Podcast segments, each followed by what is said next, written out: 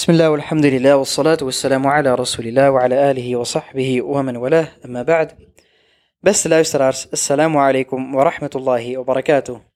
Welkom bij een nieuwe reeks waarin we een kijkje gaan nemen in het leven van onze geliefde profeet Mohammed sallallahu alayhi wa sallam.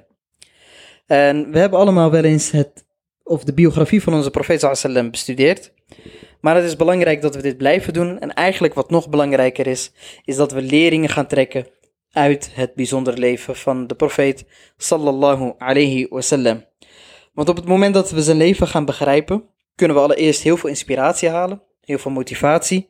Maar we zullen ook ehm, wat meer achtergrondinformatie hebben bij bepaalde ayat en islamitische kwesties, de uh, masail van al-fiqh, de islamitische jurisprudentie.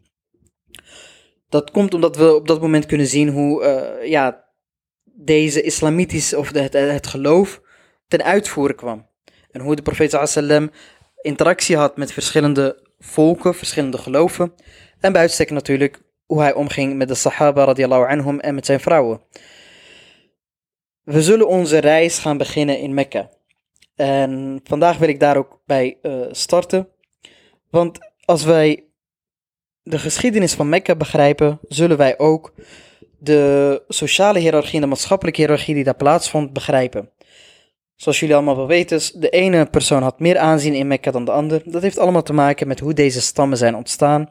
En de legende of, of, of de, de geschiedenis en de erfenis die deze verschillende stammen met zich droegen. Mekka is ontstaan in de tijd van Ibrahim alayhi salam.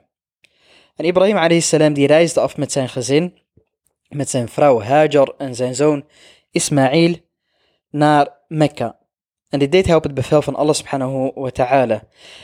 En eigenlijk was het bevel van Allah subhanahu wa ta'ala dat hij, Ibrahim a.s. dat hij zijn gezin moest achterlaten. In deze dorre, droge woestijn.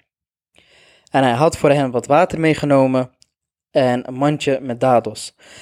En op het moment dat hij wilde vertrekken, rende Hajar a.s. achter Ibrahim a.s. aan en zei ze, Ja Ibrahim, laat jij ons achter in deze droge en dorre woestijn, of in deze vallei, waar niets uh, zich bevindt, waar helemaal niks is. En dit herhaalde ze een paar keer, maar Ibrahim a.s. die keek haar niet aan. Totdat zij vroeg, heeft Allah subhanahu wa ta'ala jou dit bevolen? Waarop Ibrahim a.s. ja zei. Op het moment dat Ibrahim a.s. ja zei, was haar wijze antwoord dat ze zei, dan zal hij ons niet in de steek laten. En zie hier hoe deze gelovige vrouw meteen wist dat er achter het bevel van Allah subhanahu wa ta'ala een bijzondere wijsheid gaat. En misschien kunnen we deze bizarre en uitzichtloze situatie gebruiken als een metafoor voor onze eigen problemen. Want soms lijken onze eigen problemen of de situatie waar wij ons in bevinden uitzichtloos en bizar. Maar weet dat Allah subhanahu wa ta'ala een bijzondere wijsheid heeft over, achter de dingen die hij heeft voorbestemd. Dus stel je vertrouwen op Allah subhanahu wa ta'ala en heb geduld. Want zoals we ook in dit verhaal zullen zien, is dat er een bijzondere wijsheid plaatsvindt achter de dingen waar Allah subhanahu wa ta'ala ons mee beproeft. Nou, op een gegeven moment raakt het uh, water op en de dadels die ze heeft gekregen van Ibrahim salam, haar proviant is op. En Ismail salam was op dat moment uh, nog afhankelijk van de borstvoeding die hij kreeg van zijn moeder. Dus nadat hij, dat zij niks te eten had en niks te drinken, kon zij natuurlijk ook geen borstvoeding geven. Totdat op een gegeven moment het voor haar zo pijnlijk werd dat zij niet eens meer naar Ismaël kon kijken. Dus ze begon te lopen. En zij ging dan lopen en liep uh, of klom bovenop de berg Safa. En nadat ze daar bovenop had gestaan, liep ze weer naar beneden terug de vallei in totdat zij bij de berg Marwa aankwam. Daar ging ze ook naar boven. En dit herhaalde zij zeven keer, zoekend naar een oplossing. Totdat zij op een gegeven moment dacht iets te horen. En nadat ze nog een keer luisterde, wist ze wel zeker dat ze iets had gehoord. En toen ze opkeek, zag zij daar een engel. En deze engel wroette met zijn hiel, of met zijn vleugel in de grond, totdat daar water ontstond. En Hajar rende naar dat water en die probeerde dat als het ware te verzamelen, eh, bij elkaar te duwen. Alsof ze bang was dat het natuurlijk overal natuur, uh, naartoe zou stromen. Hierop zei de profeet sallallahu alayhi wasallam een hadith over deze gebeurtenis. Als hij vertelt over zijn uh, voormoeder en zijn voorvader Ismaïl. Um, dat hij zegt, Yarhamullahu umma Ismaïl.